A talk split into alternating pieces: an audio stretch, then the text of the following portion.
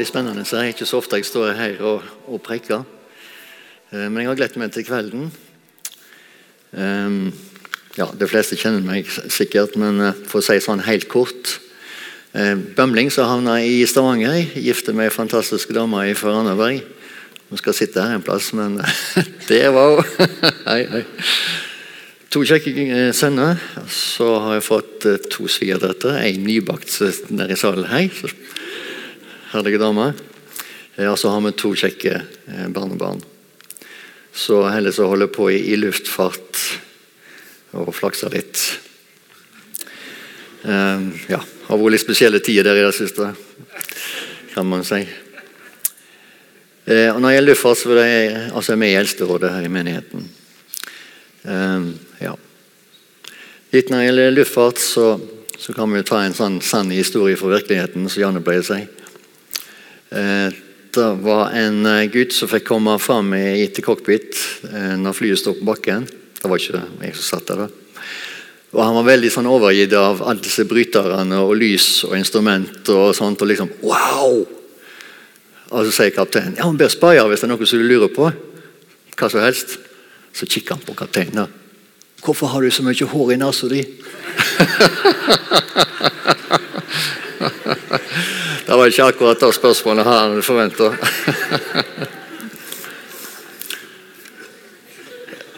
Jeg skal eh, Det som har blitt lagt på mitt hjerte for i kveld, er å snakke om hva tid lever vi i.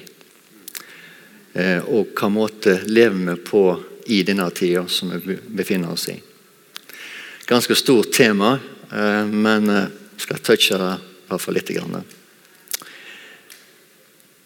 Eh, Så har jeg lyst til å be en kort men eh, før jeg begynner. Gode Far, vi takker deg, Herre, for din godhet, for din kjærlighet, Herre. Takk for at vi får høre deg til, være dine, Herre. Og Vi inviterer deg, gode Hellige Ånd, at du taler nå ifra ditt ord. At du taler suverent til hver enkelt, Herre. Vi ber om at eh, urolige tanker skal være stille i Jesu navn. Og at vi skal få lov for oss å kjenne ditt hjerte, Herre. Ditt hellige navn, Jesus. Amen. Det skjer veldig mye rundt oss i verden i dag. Eh, Vi ser på landet vårt at det er lover som blir forvandla. Vi ser at holdninger og moral blir flytta på. Eh, Og, det er ikke noen få, men ganske store, stor innflytelse i samfunnet. Eh, Vi ser at det er krig. Nå kriger i Ukraina og Russland. Økonomien den er urolig, ustabil. Vi har hatt en kraftig pandemi. Covid som har vært og fortsatt er litt eh, rundt oss. Eh, Og så ser vi også på naturen at den er i ulage. At det er stormer. Eh, At det er nå, helt i det siste så har det vært enorm tørke i Sør-Europa. Så de har snakket om at det har ikke vært sånn på 1000 år. Fisk som dør, og arter som er utrydningstrua eller dør ut. Vi har høye strømpriser, drivstoffpriser, matpriser, renter som stiger, jobbusikkerhet. Eh, Så er det mye som foregår rundt oss. Og så kan vi jo spørre, Er dette her veene som har begynt? Eh, Er det opprykkelsen som er snart så for tur? Eh, Uansett så er vi nærmere i dag enn vi var i går. Så vi nærmer oss. Men hvordan reagerer vi? Er det sånn at vi liksom går ned bak her altså, Jesus, du, du kommer snart igjen. Så jeg bare sitter her i ro og så håper jeg ikke skjer så mye. Eller tar med oss og Og det er jo bibelsk å ha blikket festet opp på Jesus. Men samtidig så har Jesus gitt oss et oppdrag her på jord. At vi lever her for en hensikt. Eh, Min fokus. Eller vår fokus er at vi skal eh, forstå hva, hvorfor vi er her. Eh, Ja. Skal jeg ta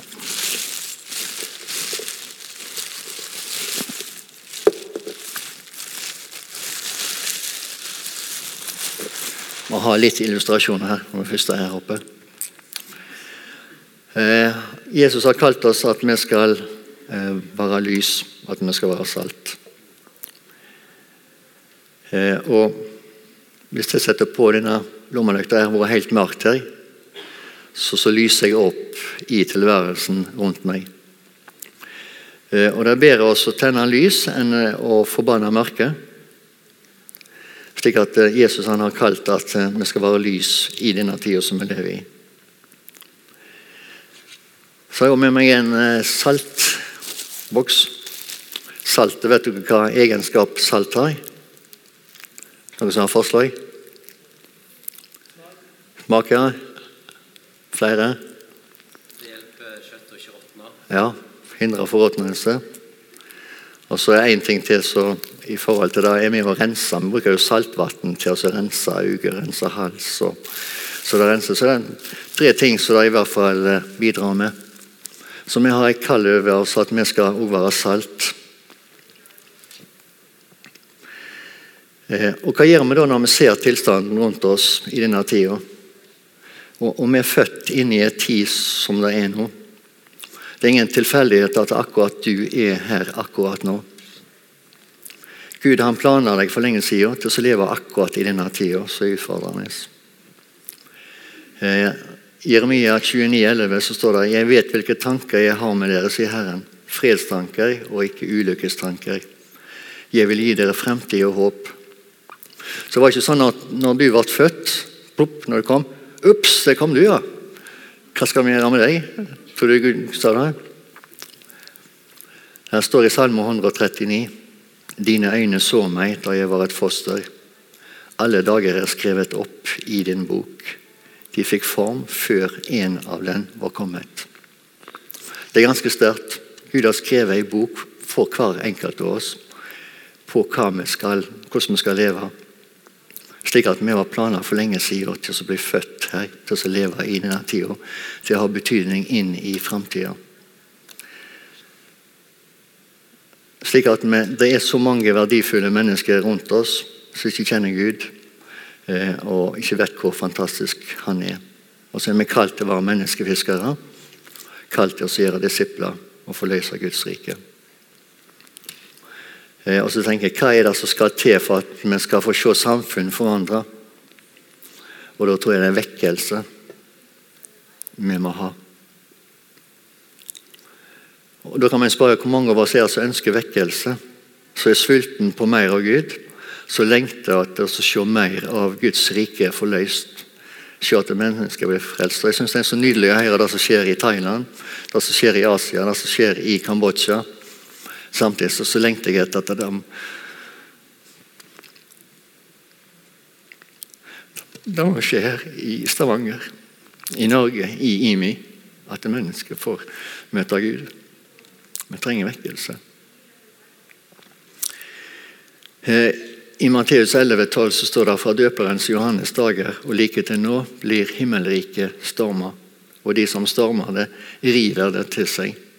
Eh, og det er en sånn aktiv handling. At, at vi stormer Guds rike. altså, altså river det til det. Vi er ikke passive, men sier at dette skal vi ha tak i. Dette skal vi få løse ut til andre.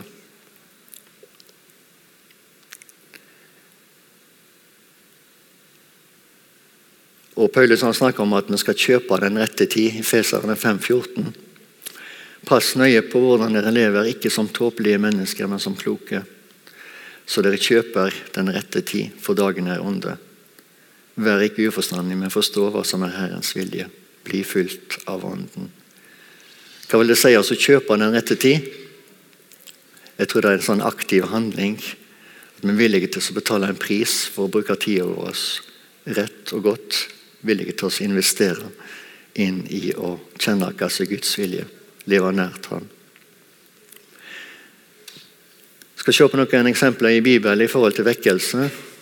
Døperen Johannes han sto jo fram i eh, ødemarken, så var han der lenge før Gud kalte han inn i eh, tjeneste. Eh, og når han da sto fram, så kom det masse folk til ham. Fra hele Judea fra Jerusalem som kom til ham for å bli døpt av ham i, i dag som de bekjente syndene. Og så var det vekkelse. Det var en sånn oppvåkning hvem Gud er. Og Jesus han hadde også eh, veldig sånn trengsel rundt seg, at det var mange som kom for å høre han. Han måtte av og til ut i båt for å få plass til å tale til folk. så ble det vekkelse. Peter på pinsedag. Det var 3000 som var lagt til når Peter stilte seg opp og så ba Ikke ba, men han forkynte ut hvem Jesus var. Så stakk det de i hjertet, så omvendte de seg, og så tok de imot. Og så ble de lagt til menigheten. 3000. 3000 på en dag, det er ganske bra. En god start. Eh, og alle disse her historiene så var det at det var en omvendelse som skulle til for oss å komme til Gud. Eh, og Da skal vi komme inn litt på en vekkelse som jeg har lest litt i det siste. Jeg vet ikke om noen har lest den, om klarer å se den, men Åndens ild og vekkelse. Her står det om flere vekkelser, men den som står mest om, er en vekkelse som var på hebridene. Eh, jeg vet ikke om dere, Noen har hørt om vekkelsen på hybridene? Noen få? Ja. Den er ganske eh, spesiell og ganske sterk. Den var i Hebridene er en øygruppe som ligger nordvest av Skottland. Eh, og Denne vekkelsen var fra 49 til 53. 1949 til 1953.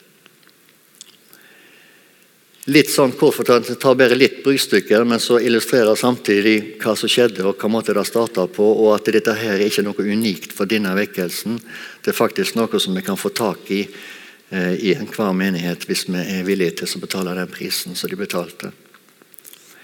75% av folket som ble frelst under vekkelsen, ble frelst uten at noen forkynte et eneste ord til dem. Da var Den hellige ånd som overbeviste dem om synd. Slik at Det var en sånn utgytelse som ikke var begrensa kun til menighetene, men, men, det hadde en enorm påvirkning på samfunnet. At samfunnet ble eh, forvandla, eh, og mange ble frelst.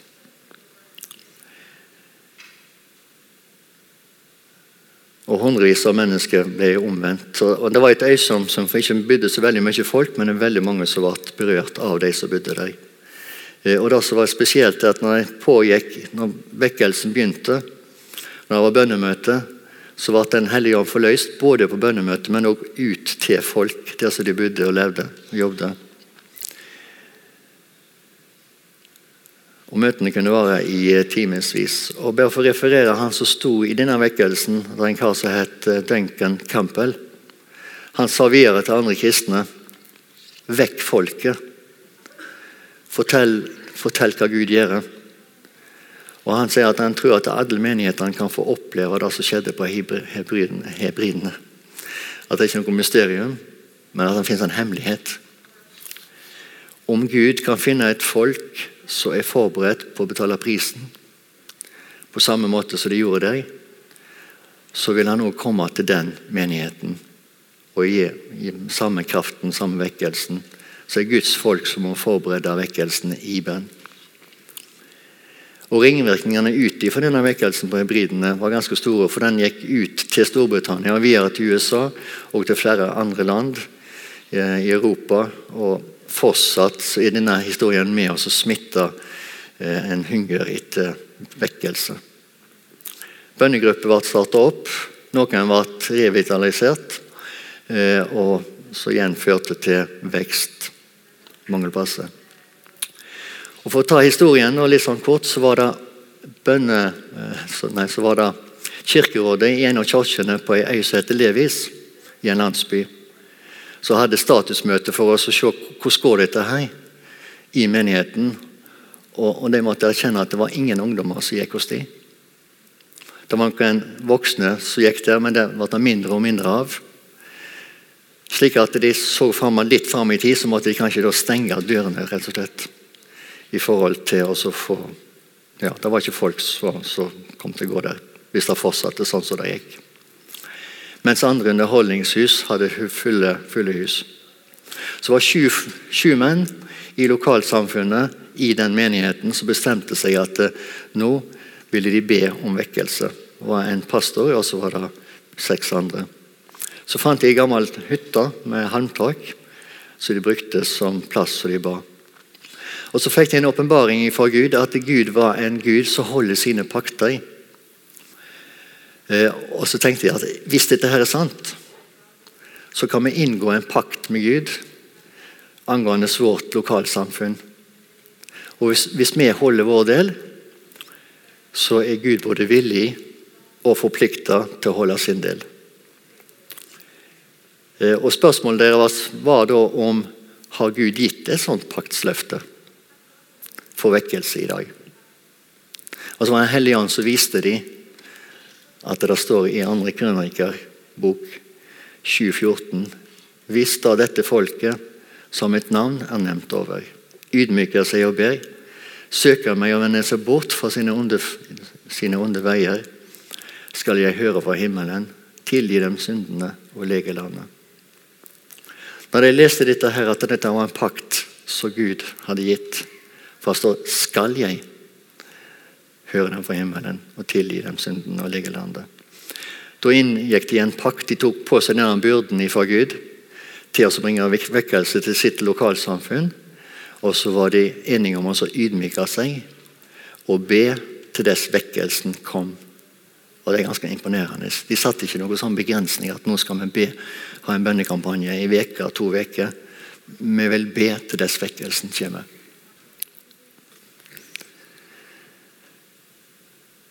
De ba i månedsvis.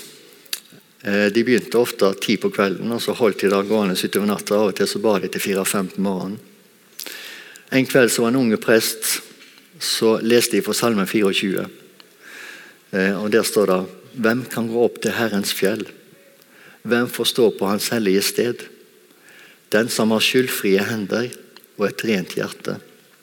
Som ikke lengter etter løgn og ikke sverger falsk ed han får velsignelse av Herren. Så måtte de spørre seg sjøl, måtte de ransake seg sjøl. Eh, og så spør jeg har vi rene hender, har vi skyldfrie hender. Er våre hjerter rene? Og så var det på nytt ned i ydmykelse og bekjennelse og innvielse.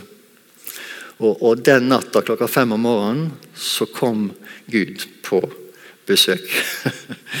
med sin kraft, med sitt nærvær. Og, og så, da var starten da som skulle ryste hele dette samfunnet. Og Samtidig, samme natta, så var det to eldre søstre. Ei på 82, ei på 84, godt voksne, som hadde opplevd vekkelse tidligere. Så lengtet etter en ny vekkelse, som var i bønn. Og de var i bønn denne natta. Og Nøyaktig samtidig så opplevde de at Gud kom med sitt nærvær inn til disse to søstrene og møtte dem kraftig. Og Så talte Gud til dem, og så sier han at om to uker så kommer Guds kraft til å berøre dette samfunnet på en måte som dere aldri har sett før. Og Jeg skal bruke en som heter Duncan Campbell, en fra Skottland, en pastor. Eh, og Så sendte de brev eller telegram da, til han Duncan og ba han til å komme. Jeg sier han, nei, han kunne ikke komme, han skulle ha møtekampanje i Irland. Og så Responsen til disse søstrene da, i seg selv sa at det er dere menneskestallet Gud har sagt. Han skal være her om to uker. og så viser det seg da at den møtekampanjen som han skulle ha i Irland, han denken, det var alle overnattingsplassene stengt. Ikke stengt, men de var fulle pga. at eh, et annet arrangement hadde booka opp fullt. Så de hadde ingen plass å legge folkene. Så han måtte kansellere. Så han kom to uker etterpå til hebridene, til Nevis. Ja. Og De hadde først et møte, og det skjedde veldig lite på det første møtet. og han Duncan var litt skuffa at det ikke skjedde noe. Men så sier en, en av disse som hadde vært med oss og bedt, at uh, ikke gi opp. Jeg hører lyden av himmelske vogner som er på vei. Så Etter de hadde hatt møte, så gikk de avsides og så fant de en plass de kunne be. og Så begynte de å be videre om vekkelsen. Eh, og klokka litt over midnatt, var det vel, så kom Guds kraft så inn på det bønnemøtet. Og så gikk han ikke bare der, men han gikk ut til samfunnet og folk som var ute og gikk på veiene, de datt i grøftene og hadde syndene. De måtte omvende seg og bekjenne synd og finne nåde hos Gud. Eh, det var Bare kikke litt her. 14 busser som kom til, til menigheten. Det var sju menn som var på tur i slaktebil. Så ble møtt av Gud, de var omvendt før de kom fram til menigheten. og ingen som hadde forkynt for dem, men Hellige Ånd som møtte dem. Så, så, det var en enorm sånn overbevisning om, om, synd og behov for bekjennelse og omvendelse. Noen ble kalt til en politistasjon der folk hadde samla seg på utsida i syndenød. og De visste ikke hva de skulle gjøre med dem, for de var helt desperate. Og, og Forkynnere kom til dem og så fikk lede dem til Jesus. Og Vekkelsen den spredde seg videre. Og på en ny plass hvor de skulle, en plass etter Arnold, eh, så samla ungdommene da en sånn protestopptog at de skulle ikke ha disse religiøse greiene her. Så de skulle ikke ha disse her inn. Eh, men så var mange tilreisende da, til det møtet som de hadde på Arnold.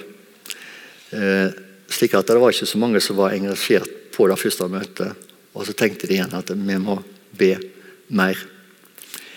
Eh, og så fant de da et eh, gårdshus, så de hadde bønnemøte etterpå det første møtet. Og Her er en bønn som vil at du skal høre litt nøye etterpå, som blir bedt, så er ganske spesiell. Så Like etter midnatt nå, så var en ung mann som reiste seg, og så ba han følgende bønn. Herre, du gav et løfte. Har du tenkt å holde det? Vi tror at du er en Gud som holder dine pakter. Vil du være tro mot din pakt? Du har sagt at du øser vann over det tørste og bekker over det tørre. Herre, jeg vet hvordan disse kirkelederne står i ditt nærvær, men jeg kjenner mitt hjerte, vet hvor jeg står, og jeg kan fortelle deg at jeg er tørst. Jeg tørster etter en manifestasjon av ditt nærvær og din kraft. Og Herre, før jeg setter meg, vil jeg si at din ære står på spill. Det er ganske frisk i bønn. ganske frimodig å be ut sånn til Gud.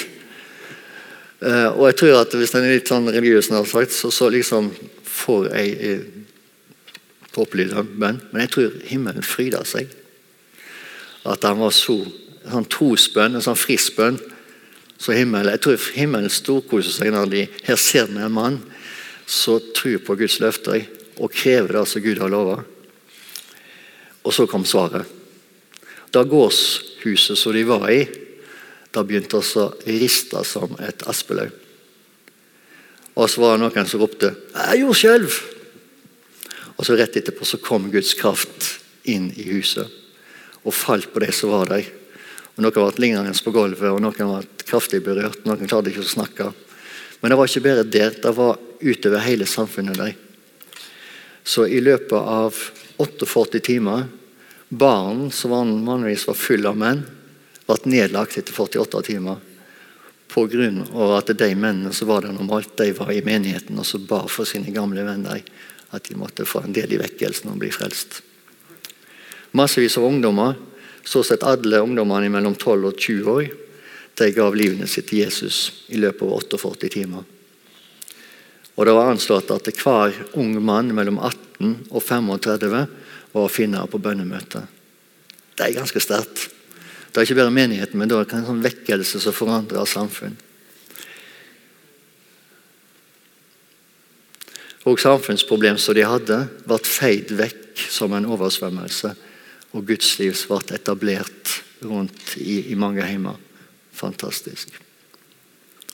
Og Nøkkelen hvis dette folket som et navn er nevnt over, ydmyker seg og ber. Vi kan ta, ta til oss sjøl òg. Guds navn er nevnt over vårt liv. Søker meg og vender om fra sine onde veier. Skal Han sier 'skal' jeg høre fra himmelen og tilgis dem syndene og lege landet. Vi kan peke på politikerne og, og sier at de styrer dårlig, men vi har en unik verktøy i hendene våre i forhold til hvem Gud er, som kan forløse eh, legedom til landet hvis vi ber. At vi ikke er passive, men at vi ber. Og Da er jeg litt i forhold til dette her med kvalitetssjekking på gudslivene våre, så er det litt naturlig å ta opp i, i etterkant. Helsesjekk på, på livet, gudslivet. Og kan sammenligne litt med, med, min jobb som pilot. så blir vi veldig sjekka to ganger i året som i simulator. Så de tester oss og ser om at vi holder oss på De kaller jo for Prosedyreboka blir jo kalt for Bibelen, det òg. Men det, det, er liksom selskapets bibel. da. Men at vi, at vi holder oss på den retningen, følger de prosedyrene. eh, Og det som gjelder for oss å gjøre en god jobb, at det til skal flyte lett. Eh, Og så blir vi også sjekka når vi er ute på ruter og flyr av eh, andre piloter som ser at vi kan jobben vår. oss. Og det er sånn med oss med kristenlivene våre òg. At vi trenger faktisk stoppe opp og kjenne etter hvordan, hvordan lever vi med kristenlivene. David han sa Gud, ransak meg og, og kjenn meg til hjertet, så kjenner jeg er på den rette vei. Og hvis jeg er på avveie, på feil retning, så led meg på din vei.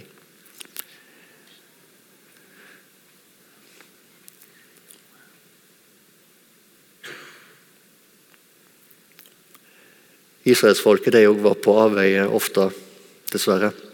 Samtidig så er eksempel for oss på hvordan vi skal gjøre og ikke gjøre. Eh, og de har, I Isaiah 1 så står det at eh, de var, hadde månefester, de hadde sabbater, de hadde ofringer, de hadde tilstelninger. Så sier Gud at eh, han, han hater det på grunn av at han så at de hadde blod på hendene. Altså De gjorde ting som ikke var rett. Så sier han, vask dere, gjør dere rene, få de onde, de onde gjerningene vekk fra mine øyne. Holdt opp med å gjøre vondt. Lær å gjøre godt. Søk det som er rett. Hjelp den undertrykte. Vær forsvarer for farløse. Før enkers sak. De som var svake, de som trang hjelp, det var de som de skulle hjelpe. Og så sier han, kom, kom. Kom, la oss gjøre opp vår sak, sier Gud. Selv om han så at de var på avveie og levde helt galt, så sier han kom. Kom til meg. La oss gjøre opp vår sak. Om synden deres er som purpur, skal bli hvite som snø. Om de røde som skarlagen, skal bli hvite som ull. Så, så, Gud var interessert i å få dem tilbake igjen.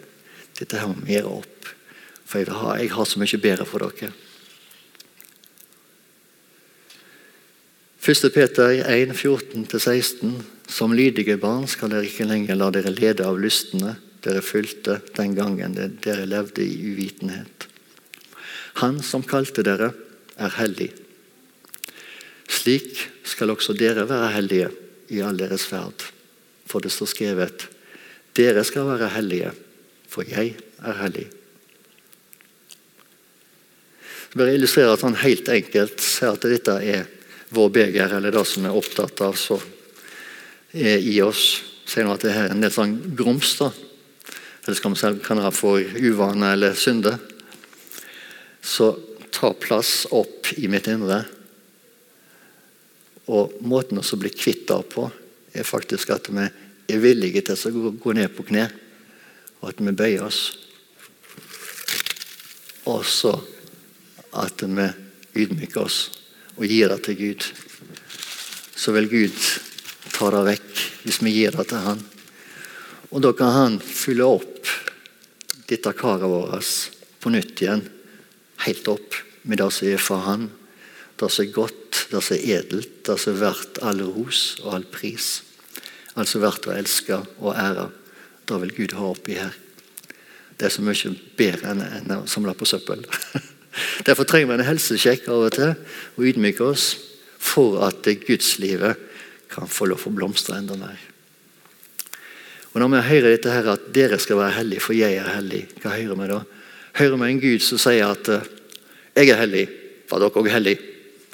Eller hører vi at en Gud som sier at eh, jeg er hellig, kom, kom med meg. Kom inn på min hellige plass, hellige grunn. Og vær hellige dere òg, for da kan vi komme nær. Hvis ikke så er det avstand. Gud han sendte Jesus for at vi skulle få lov for oss å stå på den plassen i lag med Gud. Eh, for at vi skal få lov for å være hellige, leve i hellighet. Så han inviterer oss til å komme nær. Og Det blir litt sånn at eh, Vasker du bilen når den er skitten? De fleste av oss gjør, gjør det av og til, i hvert fall. Eller om, når du har dusja og er regnet sjøl, så er det jo herlig å legge seg i rene sengeklær. Altså Få vekk skitten, så blir det så mye bedre etterpå. Og, og huset ditt gjør du da rent hvis du får fint besøk. Eller en viktig person. Hvis eh, kong Harald hadde kommet, så tror jeg de fleste hadde rydda ganske heftig hjemme hos seg sjøl og hatt det fint. Men han som kommer på besøk, han er faktisk større. Han kommer ikke bare på besøk, men han, han bor inni hjertene våre. Kongenes konge, herrenes herre. Han vil leve, leve i et rent hus med hans tempel.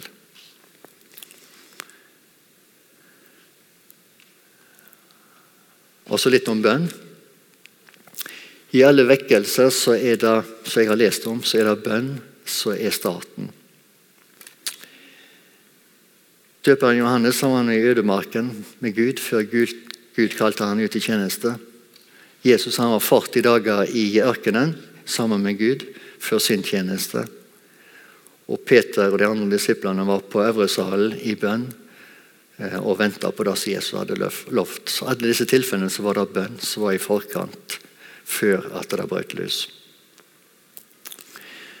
Så tenker du kanskje bønn det er kjedelig, så er det liksom ikke min greie. Jeg vil si at Bønn er temperaturen eller tempen på vårt kristenliv. er hvordan vi har det med bønnelivet vårt. Hvor mye tid vi bruker i bønn, er sammen med Gud i det skjulte. Så vil si at vi, har ikke større kraft ut i hverdagen enn det livet som vi lever privat med Gud og Jesus i det skjulte. Det vil vise seg ute i hverdagen hvordan vi lever egentlig livet i bønn med Gud. Billy Graham sa at eh, for å få en nasjon på føttene, så må den først ned på kne.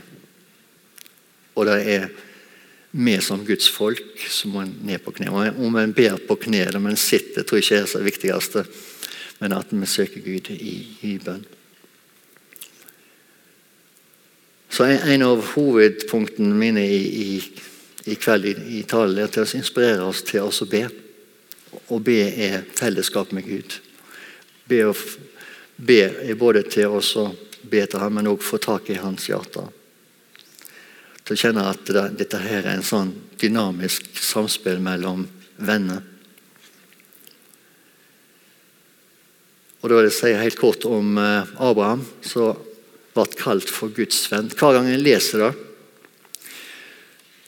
så berører det meg. I Isaiah 41 så står det at eh, Gud sier at eh, Men du, Israel, min tjener Jakob, som jeg har utvalgt, ett av Abraham, min venn. Tenk at Gud sier 'min venn'. Det synes jeg er kjempesterkt, for Jeg leser ikke så mange plasser i Bibelen at Gud sier 'min venn' om noen.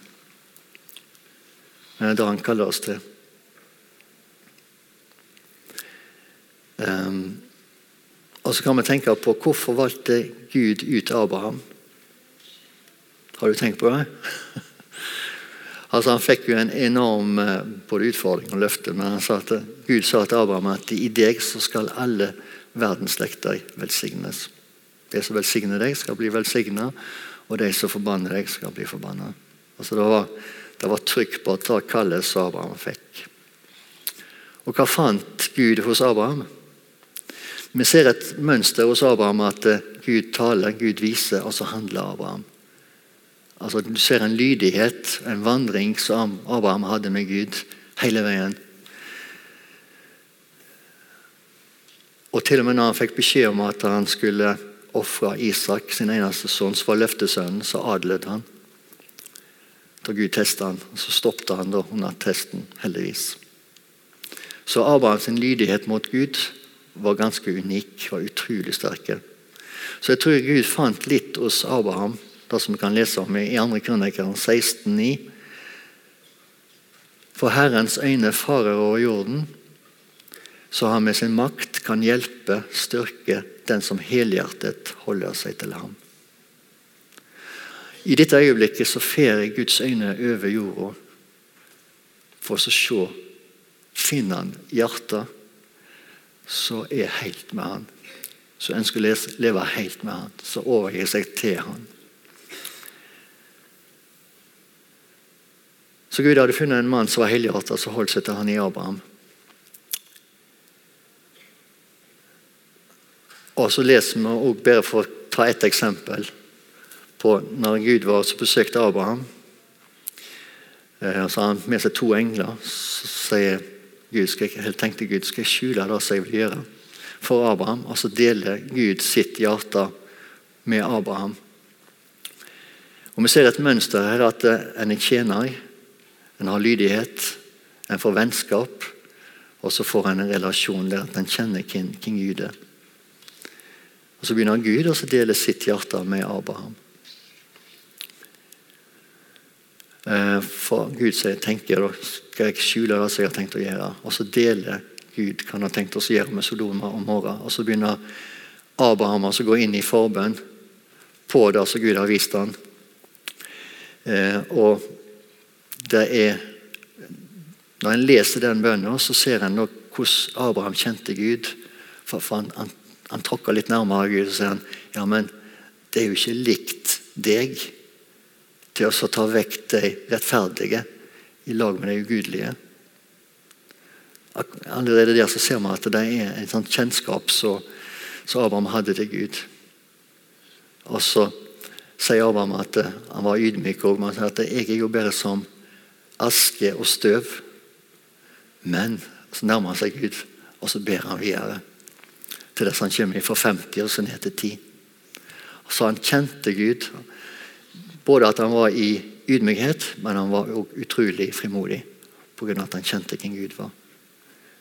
Og Vi ser det samme mønsteret med Jesus òg, eh, i forhold til dette med, med venner. Jesus sier at 'dere er mine venner hvis dere gjør det som jeg befaler dere'.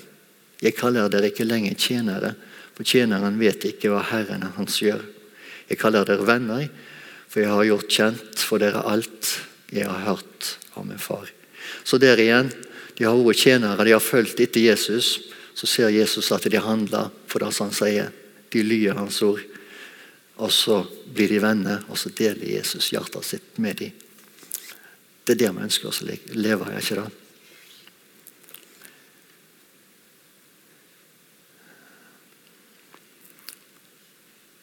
Så jeg tror vi er i en tid der det er stort, blir større og større skille mellom lys og mørke. Men når mørket blir mørkere, så vil lyset bli sterkere og tydeligere eh, når vi slår på lyset. Og vi er kalt til å være lys. Så jeg tror at det er tid for lunkenhet er det ikke plass til i denne tida som vi lever i, og går videre inn i. For vi trenger å være et gudsfolk som reiser oss, som ikke er passiv.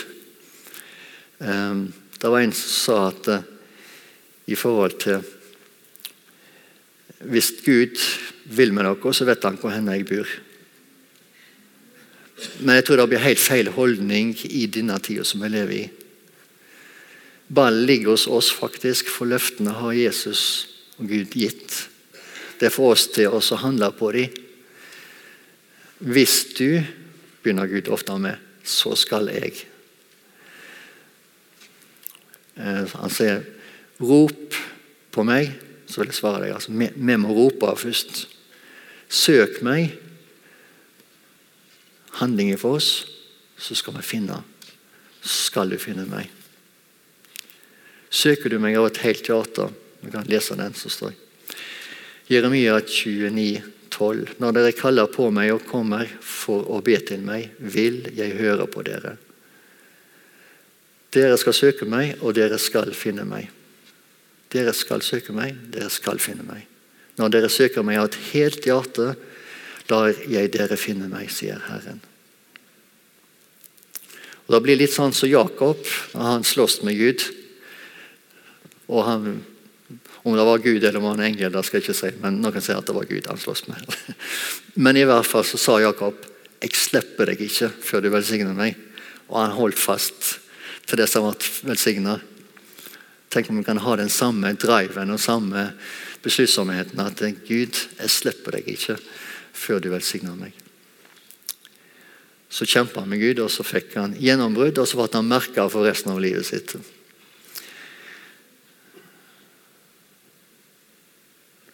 Så var det en som var med som skulle være med oss og be om gjennombrudd brudd for en ting. Så spør han andre som var med han, ja, hvor lenge skal vi be? Til dess vi får gjennombrudd. Det var svaret. Og Jeg tror det er den holdningen vi må ha, at vi ber til det som vi får gjennombrudd.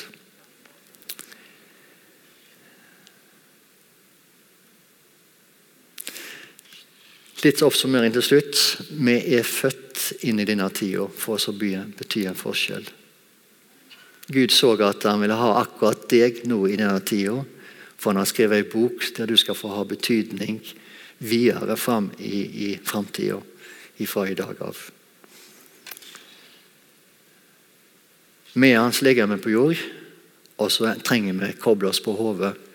Hva vil du, Gud? Hva sier du, Gud? Vi kan ikke bare ha kunnskap om Gud, men vi må ha kjennskap. Kjenne med hjertet. Leve ut ifra hjertet. At det er en verden der ute som trenger Jesus og trenger Frelseren. Og Da er spørsmålet ønsker vi oss å leve et leder av vår sjelsliv, eller ønsker vi oss å leve leder av vår ånd ifra Den hellige ånd. Så da tenker jeg Det beste alternativet er å leve en sånn lidenskapelig passion, som de sier på engelsk. Bare at Gud, jeg vil gå med deg. Dette livet er så kort. Evigheten, den er evig. Og Så handler det om en himmel og en avgrunn som vi må få mange med oss til himmelen. Så la Gud få tak i hjertene våre, så at vi kan leve med passion, med lidenskap, King Gud.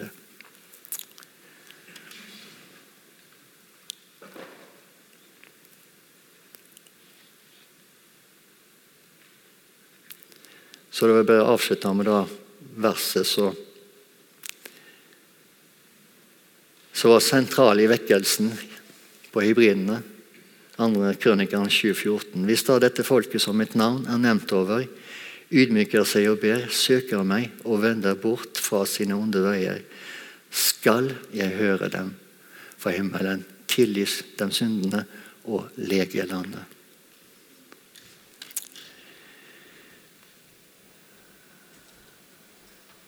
I forhold til respons på et sånt budskap, så, så, er det jo først og fremst en bestemmelse som en må ta i artene sine, den enkelte.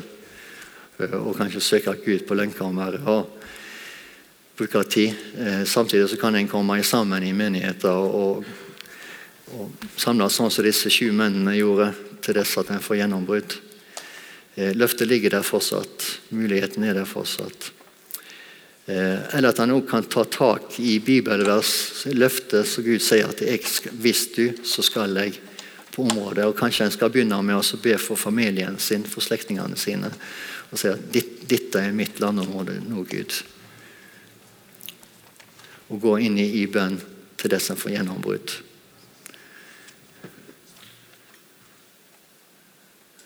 Så jeg har lyst til at, at det, det, er jo dere som ønsker nå er ikke dette en sånn prosess, en sånn quick fix. For at det, det handler om en vandring og et liv i lag med Gud som bygger seg over tid. Der en lærer seg til å søke Han, til å lytte, til å kjenne Hans stemme, eh, til å handle.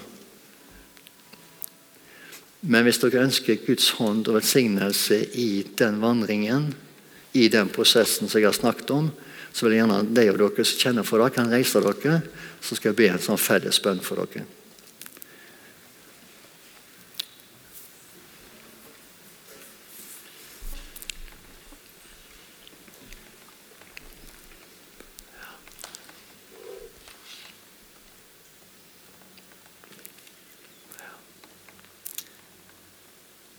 Kjære far, takk for eh, ditt ord. Takk, Herre, for at du er vår far. Og vi ber Herre at du må hjelpe oss, Herre. Vi er underveis hele gjengen, Herre. og ber om at du hjelper oss med å legge en lidenskap i oss, Herre, til oss å leve innvia for deg, Herre. At du gjør oss villige til å ydmyke oss, Herre. Til oss å gi alt så du ikke har behag i livet vårt, til deg, Herre. Til oss å holde opp dine løfter, Herre, hva du sier, Herre. Du er den samme, Herre. Du har aldri forandra deg, Herre. Du er den samme i går, i dag, til evig tid, Herre. Den samme som du var på Hebriden, Herre, når vekkelsen brøt løs, Herre. Derfor ber vi, Herre, om din hånd, din velsignelse, hver enkelt hjerte, Herre. som gir respons her i kveld, Herre, til å være med i denne prosessen, slik at ditt navn kan bli æra. At du skal bli stor, Herre. At vekkelse går ut her fra denne plassen Herre, og berører lokalsamfunn, berører Stavanger, Herre. Berører Norge, Herre. Folket trenger deg, Herre. Takker deg, Jesus. Takk, Jesus. Amen.